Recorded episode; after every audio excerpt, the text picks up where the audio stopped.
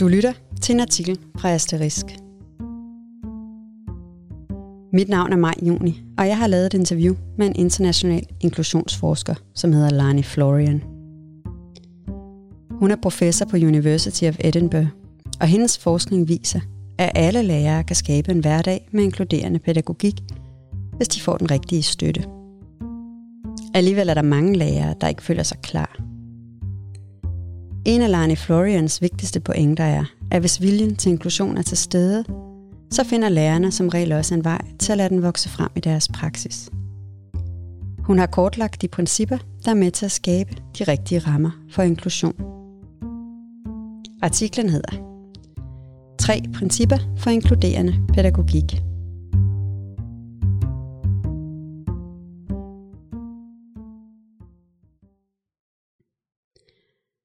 Lani Florian har i løbet af sin lange internationale karriere som forsker mødt de fleste argumenter for og imod inklusion.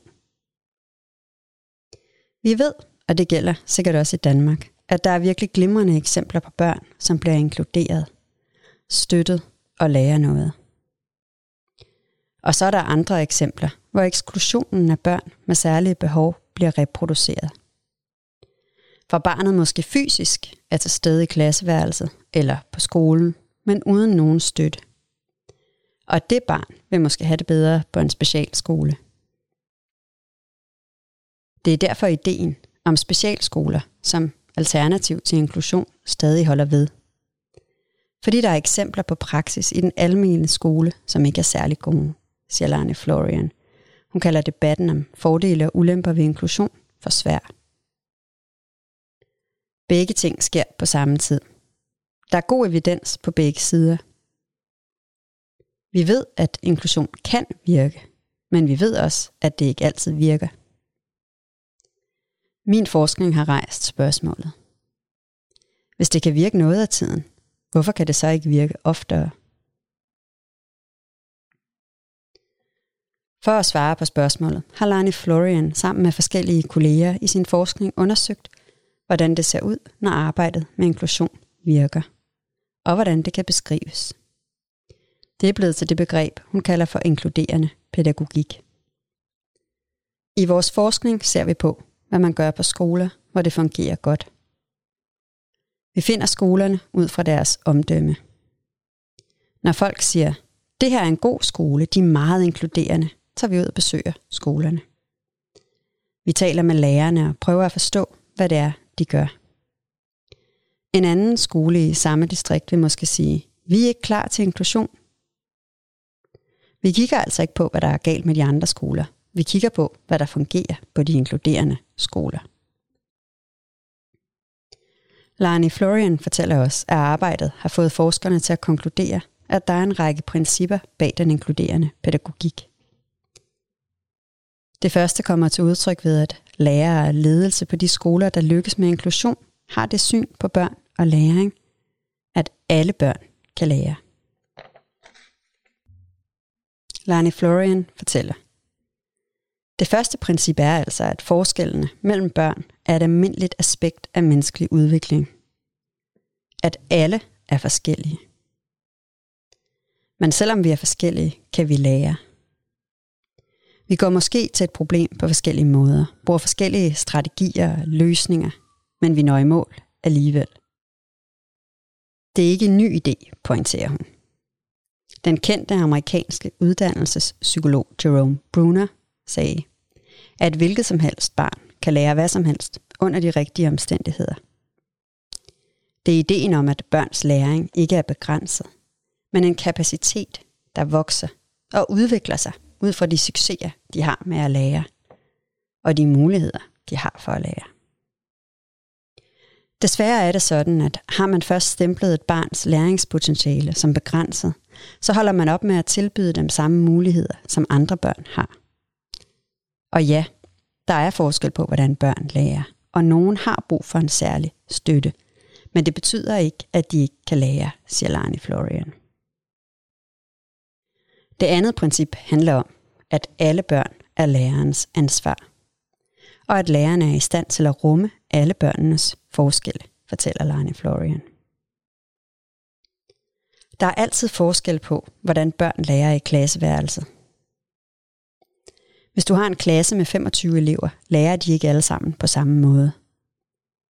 Som lærer differentierer du i forvejen og tænker allerede over de individuelle forskelle på børnene. Du laver tilpasninger. Det er først, når forskellighederne bliver identificeret som et problem, eller når omfanget af forskellene er meget stort, at lærerne bliver usikre, siger hun og fortsætter. Eftersom de færreste lærere på almenområdet kender til specialpædagogikken, tænker de. Det er ikke noget for mig. Mange lærere har meget god vilje og gode intentioner, men føler sig ikke kvalificeret, fordi de ikke har lært om de forskellige typer af handicap, børn kommer med. Der er en væsentlig pointe i at gøre det klart for lærere, at de altså allerede laver en masse inklusionsarbejde. De har bare fokus på læringen, ikke på forskellene. Og det kan netop være fornuftigt at have fokus på læringen, pointerer Lene Florian. Forskning i specialundervisning viser nemlig, at læringsudbyttet bliver mindre, hvis lærerne fokuserer på forskellen mellem børnene, end hvis de fokuserer på læringen. Lani Florian fortæller. Resultatet er bedre, når læreren fokuserer på indholdet og de færdigheder, børnene skal opnå. Det samme gælder i den almene undervisning. Det er ikke for at sige, at en hvilken som helst lærer kan gøre hvad som helst. Men alle børn har evnen til at lære. Og når en lærer har en divers gruppe af børn, som for eksempel inkluderer børn med læringsvanskeligheder eller andre sårbarheder, vil der være læringsforskelle i et klasselokale. Derfor er læreren nødt til at tænke på, hvad der skal til, for at alle deltager i læringen. Det fører Lani Florian videre til det tredje princip, der går på, at lærere har brug for støtte i arbejdet med inklusion, og at den skal være tilgængelig, både praktisk og mentalt. Ligesom det forudsætter en god samarbejdsevne. For ingen lærer kan vide alt om alle slags læringsstrategier, så det er nødvendigt at samarbejde. Men der er også brug for ekstra ressourcer. Lene Florian fortæller. På skoler, der lykkes med inklusion, sender man for eksempel ikke bare et døvt barn på en døveskole.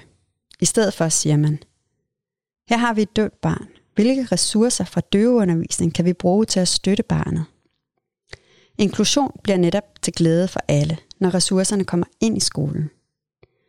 Hvis en klasse har tegnsprog og forskellige andre ting i gang for at støtte barnet med høretab, så vil de andre børn som regel også få glæde af det. Tegnsprog er for eksempel en god måde at træne sit ordforråd på for alle. Det samme gælder med modersmålsundervisning. At få ekstra sprogundervisning i skolen er ifølge Larne Florian en fordel for alle børn, fordi de lærer et sprog, mens de lærer om et andet emne. Hun siger, et hvert barn kan lære under de rigtige omstændigheder, og det er også de omstændigheder, der faciliterer læring.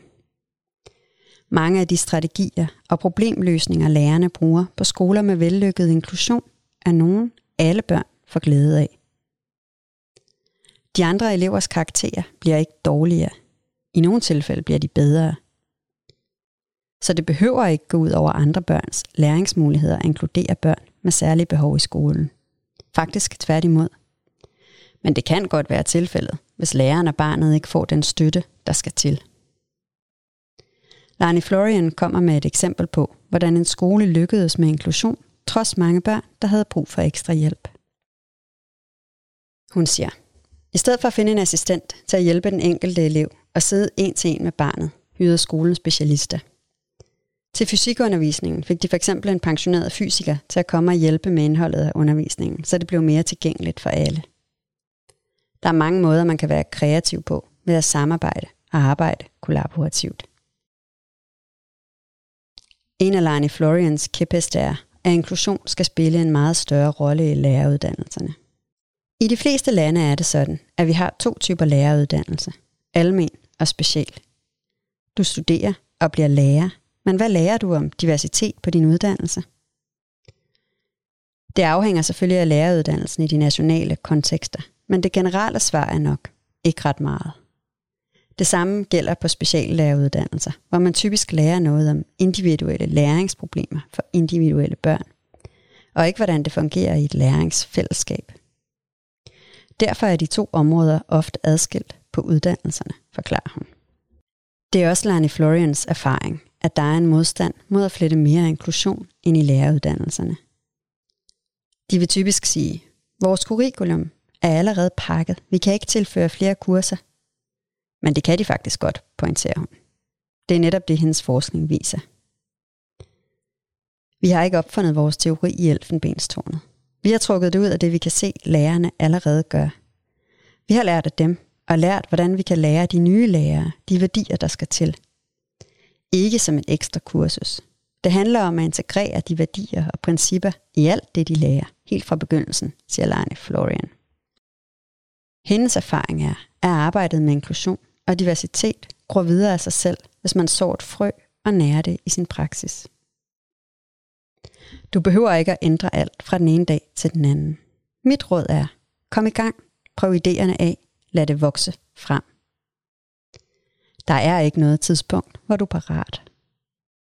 Du er klar, når du går i gang. Det er en uperfekt praksis, og hvis støtten er der, er det muligt. Bare kom i gang. Min erfaring er, at når først lærerne er i gang, kan de se den meget effektiv og sjov måde at arbejde på. Så ser de sig ikke tilbage.